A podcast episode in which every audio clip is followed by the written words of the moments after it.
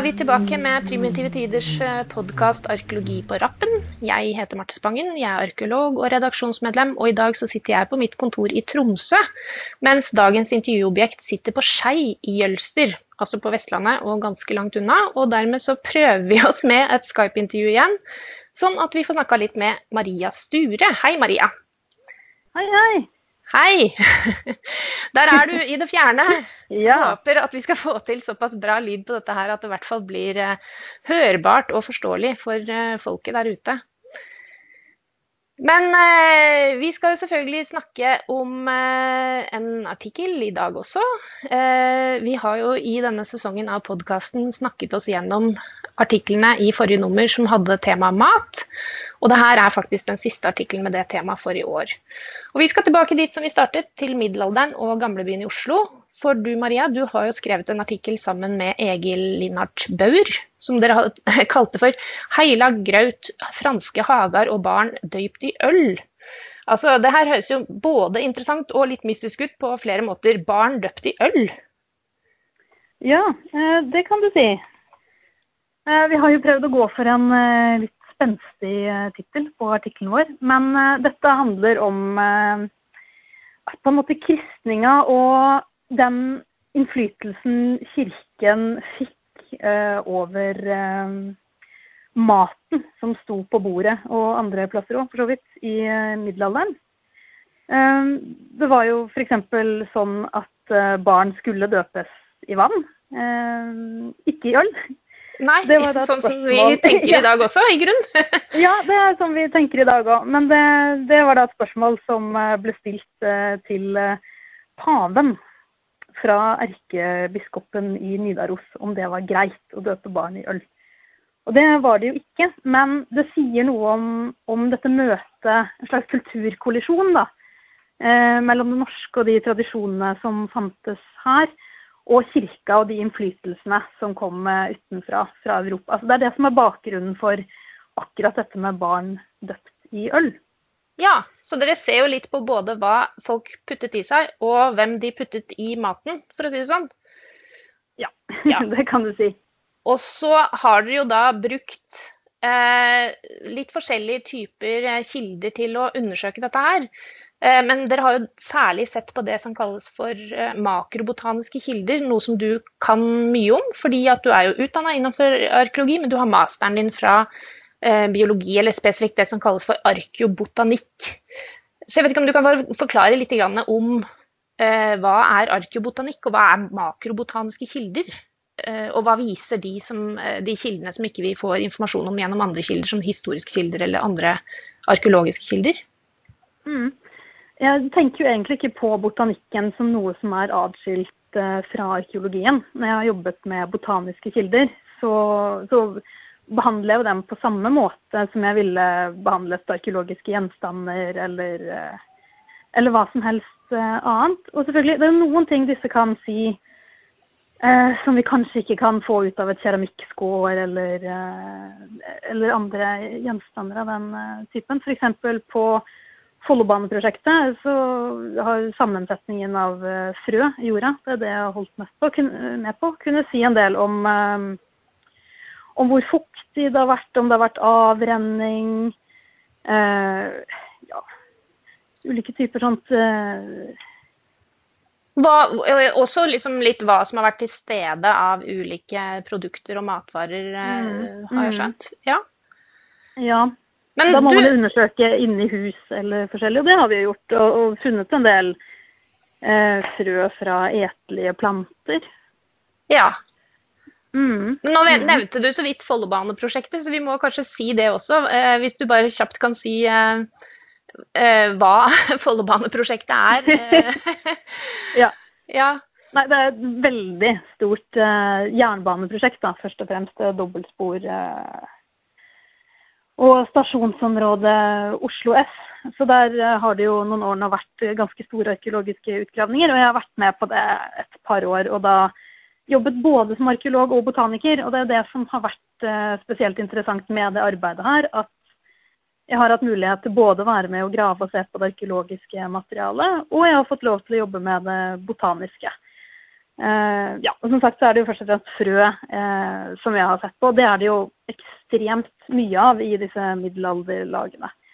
Så det er nesten sånn at du kan velge hva du har lyst til å se på, og eh, hvilke typer frø du har lyst til å trekke ut av et materiale og, og fordype deg i. så er det jo sånn med disse her, ja, hva skal man si, makrobotaniske analyser at man sitter veldig lenge med mikroskop, ser på frø, artsbestemmer frø, og da får man jo veldig mye tid til å tenke og reflektere når man sitter sånn i, i timevis og plukker ut frø og artsbestemmer frø. Så det er jo litt uh, det, kanskje, som er uh, bakgrunnen for denne artikkelen, og for noen av de tankene vi gjør oss i artikkelen. For det hender jo at det dukker opp uh, ikke sant, Hvis det er veldig mye av en type frø, eller hvis det dukker opp noe sjeldent, så vil man jo gjerne prøve å finne ut hvorfor det er sånn. Ikke bare gå videre Det må jo være og, og, hensikten ja. med hele undersøkelsen. At uh, dette mm. skal fortelle oss noe mer om hva slags samfunn dette her var. Og, og ja, som du sier, hvorfor det, hvorfor det har havnet der, da. Mm. Men uh, hvilke deler av uh, byen, altså det som blir gravd da i Follbaneprosjektet, som for så vidt pågår ennå, og som det bør vi jo nevne, Egil Linnart Bøver, som er din medforfatter, er jo prosjektleder for det prosjektet, da. Så han jobber jo der fremdeles, selvfølgelig. Ja. Ja, ja, eh, bare få med det, så vi er eh, på det mm. rene. Men eh, hvilke deler av byen eh, Det er jo Oslo middelalderby vi snakker om her. Eh, og hvilke deler av byen var det du fikk ta ut prøver av, og, og hva var det du fant, egentlig? Ja, skal vi se, det var jo fra å, akkurat de, um, de utgravningene som hadde vært og som pågikk da. Så det er jo bl.a. noe fra Nikolai-kirkegården. Også litt fra området altså Bispeborgen og nedover mot uh, Sørenga. Men, uh, ja, men, vi har vel spesielt valgt å trekke ut noe fra Nikolai-kirkegården, da. Um, det er iallfall det funnet jeg syns er mest spennende i artikkelen. Så jeg vet ikke om du er klar for å snakke om det nå? eller om du vil Jo, det er jeg absolutt. Vi, ja, nei, nei, nei, det er ingen vits. Vi, vi kjører på. Mm. Ja, nei, det er jo først at Vi har funnet legestokkrose inne på den uh, kirkegården. Og det er jo en, uh, ja, si, en slags medisinplante. Det er en plante som har blitt brukt uh, faktisk fra egypterne. det er jo denne som heter marshmallows. og Det er det som er litt gøy med den, for vi kjenner jo marshmallows som noe mm. helt annet i dag, som et veldig syntetisk godteri. Men det er jo opprinnelig røttene fra denne planten som har blitt kandisert i ja. oldtidens Egypt. Og vi tror dette er det eneste funnet vi har av planten fra middelalderen i Norge. Vi har i hvert fall ikke funnet noen andre belegg for det. Og det som er litt interessant uh, her, det er jo at dette kan ha kommet med klostertradisjonen. Uh, da er vi igjen tilbake på kirka og uh, hva de har tatt med seg fra sørover i Europa. Og så er det da et dokument som vi har funnet fram som heter 'Capitulare de Villis'. Ja. Det, latinsk, det slags, tydeligvis. Ja, det, det, er latinsk. Og det er jo en slags oppskrift eller instruksjon for eh, bl.a. hvordan du kan uh, anlegge en klosterhage. Eller hvilke arter, hva slags uh, planter du skal ha i en klosterhage. Og her står jo denne urten nevnt. Og det er klart at det er jo ikke et én-til-én-forhold mellom det at den er nevnt der og at vi har funnet den, men det sier noe om at det kan hmm, ha vært en slags altså, klosterhage som har fulgt med, med, kongsgården, rett og slett. For der vet man at det lå en hage, men så er det spørsmål om det har vært en, en kålgård eller grasgard, eller om det har vært et finere anlegg. For det er også noe som beskrives i de norske middelalderkildene. Så står det jo om sånn kålgård og grasgård og sånn. Og da får man jo en forståelse av at en kålgård høres jo mer ut som et sted der man har nytteplanter. da. Eh, mens mm. den her eh, marshmallowsbusken, det er vel mer en ja, en legeplante, eller? Ja, legeplante eller litt sånn stasplante. Eh, jeg har iallfall tenkt en del på denne type planter som statussymboler. Ja. Eh, en ting er at de kan brukes til medisin, de kan for så vidt brukes til mat, men det sender også et signal om hvem det er man har hatt kontakt med, og, og, hva det er man ønsker å identifisere seg med. Ja. Det er jo sånn i dag òg med importerte hageplanter og hvis man virkelig skal lage et flott anlegg, eh, japanske hager f.eks., det, det sier jo noe om eh, Kanskje man er bereist, kulturforståelse, at man på en eller annen måte er bemidla. Mm. Så, så, det kan ha vært grunnen til at noen har importert denne planten. For den er jo, den er jo ikke norsk, den kommer jo fra et sted. Nettopp. Og den er tydeligvis ganske uvanlig også i den perioden, i og med at dere ikke klarer å finne noe annet belegg for at den har vært dyrket noe annet sted i Norge, da, så må jo det ha vært virkelig, virkelig et statussymbol for den som Vi kan jo ikke si ja, ja. det sikkert at det bare fantes én, men det har i hvert fall vært sjelden nok til å være eh, ja, reelt statussymbol. Mm. Det, er, eh, det, er, en klosterplante, men uh, det er spesielt i det området at den fins i flere prøver der. At den uh, mm. Er distribuert over hele området. Ja, det er ikke tilfeldig at de frøene er der. Nei. Så det er jo én ting. Altså det at klosterbevegelsen eh, si, eh, kommer til Norge og bringer med seg både visse planter og eh, en måte å anlegge hager på som vi kan dra nytte av å vite noe om nå i dag, når vi skal prøve å grave ut dette her da, og forstå hva forskjellige områder f.eks. For i gamlebyen har vært brukt til. Men jeg tenker på ellers, altså Kirken har jo påvirket uh, mer det som går på eh, folks mat, da, på forskjellige måter. Uh, kan du si litt mer om det? Altså, hva er det som endrer seg med at kristendommen kommer til landet? Ja, vi har jo lagt vekt på at det sannsynligvis ble en del mer grønnsaker. Med kirka så kom det jo forbud mot å spise kjøtt på over 100 dager i året. Og det er jo typisk da i forkant av de store kristne høytidene. F.eks. påsken. Der er det ganske mange uker at det er eh, forbud mot å spise kjøtt. Eh, det er forbud mot seksuell omgang. Så man skal jo rense seg og gjøre seg klar for den påskehøytiden. Og, og, det er klart at eh, folk har nok i stor grad overholdt dette her forbudet. For det var jo bøter for å spise, spise kjøtt på disse dagene. Eh, men samtidig så har det også vært en forståelse for at man kan gå litt sur i dagen og man kan gjøre feil. Så Det står jo i noen av disse gamle lovtekstene at hvis noen gjør deg oppmerksom på at du spiser kjøtt på en slik dag, så slipper du å betale bot hvis du da spytter ut den biten du har i munnen. Ja. Um, ja. Men det må ha, ha nødvendigvis vært sånn at uh, man har hatt en del vegetarianske dager, rett og slett. Mm. Fisk har det ikke vært noe forbud mot, så det kan veldig godt hende at um, man i større grad spiste fisk på de dagene det ikke var lov å spise kjøtt. Men det, det blir jo bare å spekulere mm. i hvordan de tenkte om dette kjøttforbudet.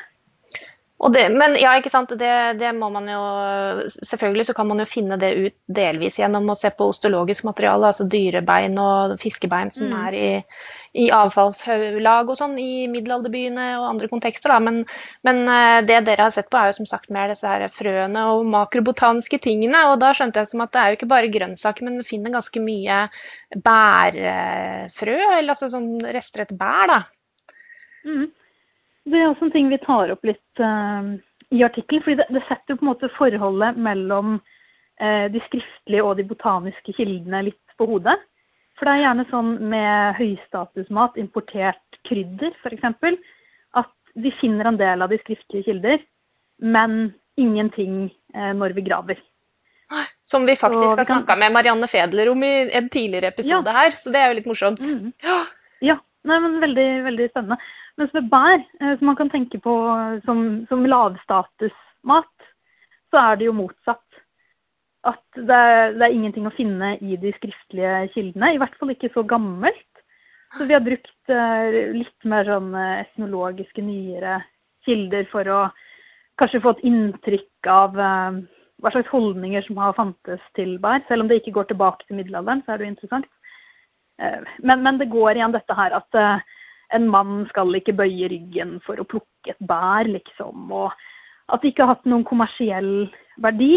Eh, og så har det jo vært spekulert litt i om det ble brukt i det hele tatt. Om bær bare er noe som, eh, som unger kan gå og plukke, eller om man faktisk har høstet inn i større mengder til eh, husholdningen.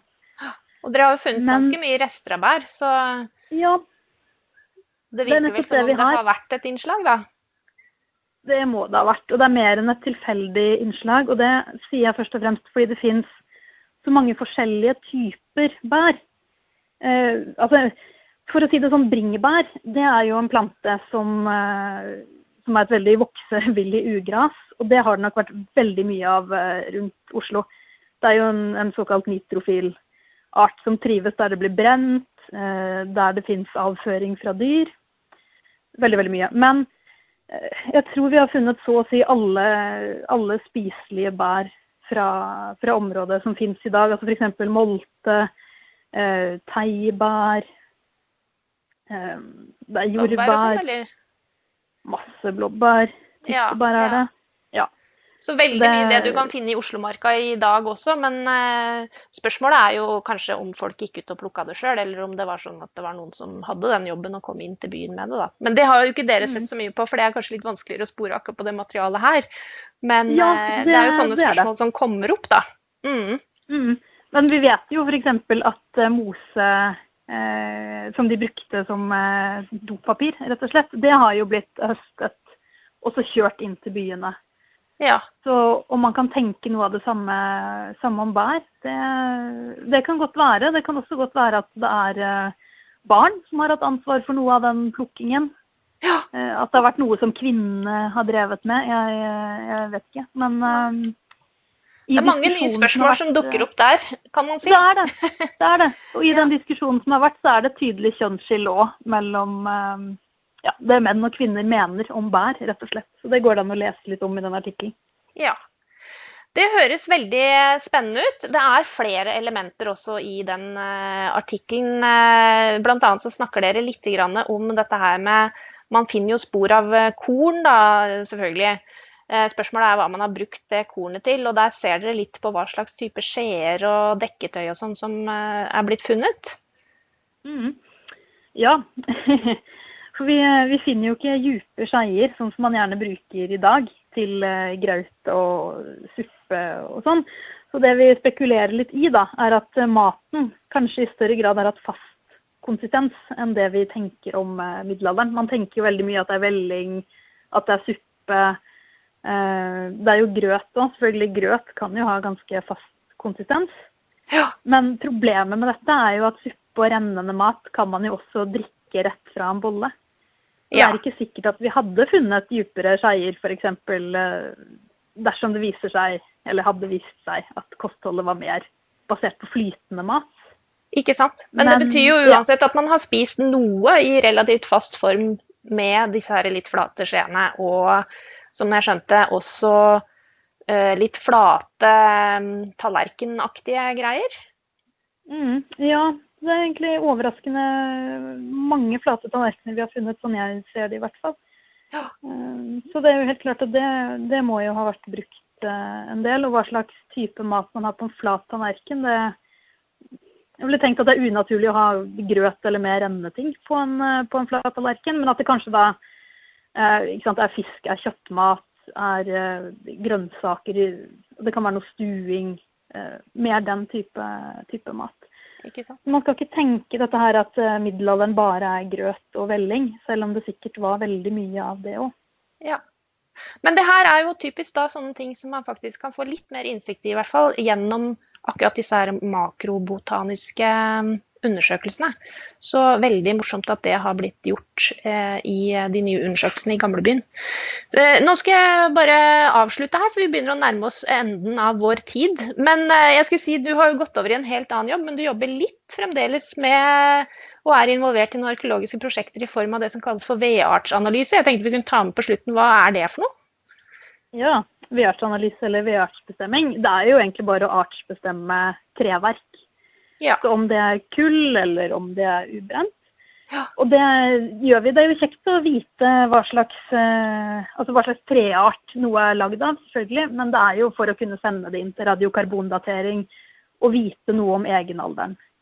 Enten Ja. den faktiske egenalderen eller den statistiske egenalderen. Ulike tresorter har jo ulik egenalder og kan da gi ulik kvalitet på radiokarbondateringer. Og for å forklare det for den uinnvidde lytter, så er jo da egenalder bare hvor lenge et tre faktisk står og vokser, ikke sant? Altså Bjørk f.eks. har kortere levetid enn furu, og derfor så er det bedre å datere bjørk, fordi at da får man et kortere tidsspenn som det er sannsynlig at den har eh, blitt hugget i. da. Ja. Sånn cirka. Det, var kanskje litt sånn overfladisk forklaring, men Nei, nei, men det, det er veldig god forklaring. sånn forklaring. Cirka riktig. ja da. Så bra. Da fikk vi litt ekstra info på kjøpet om et annet tema som eh, vi sikkert også kunne snakket lenge om, eh, men vi må nesten avslutte her for i dag. Så tusen takk for samtalen, Maria. Jo, selv takk. Eh, og så kan jeg si til publikum at vi er selvfølgelig plutselig tilbake med en ny episode, så følg med. Følg Primitive tider på Soundcloud og Facebook, eller abonner på podkasten. Det koster så klart ingenting, og da får du beskjed med en gang det kommer en ny episode. Takk for nå.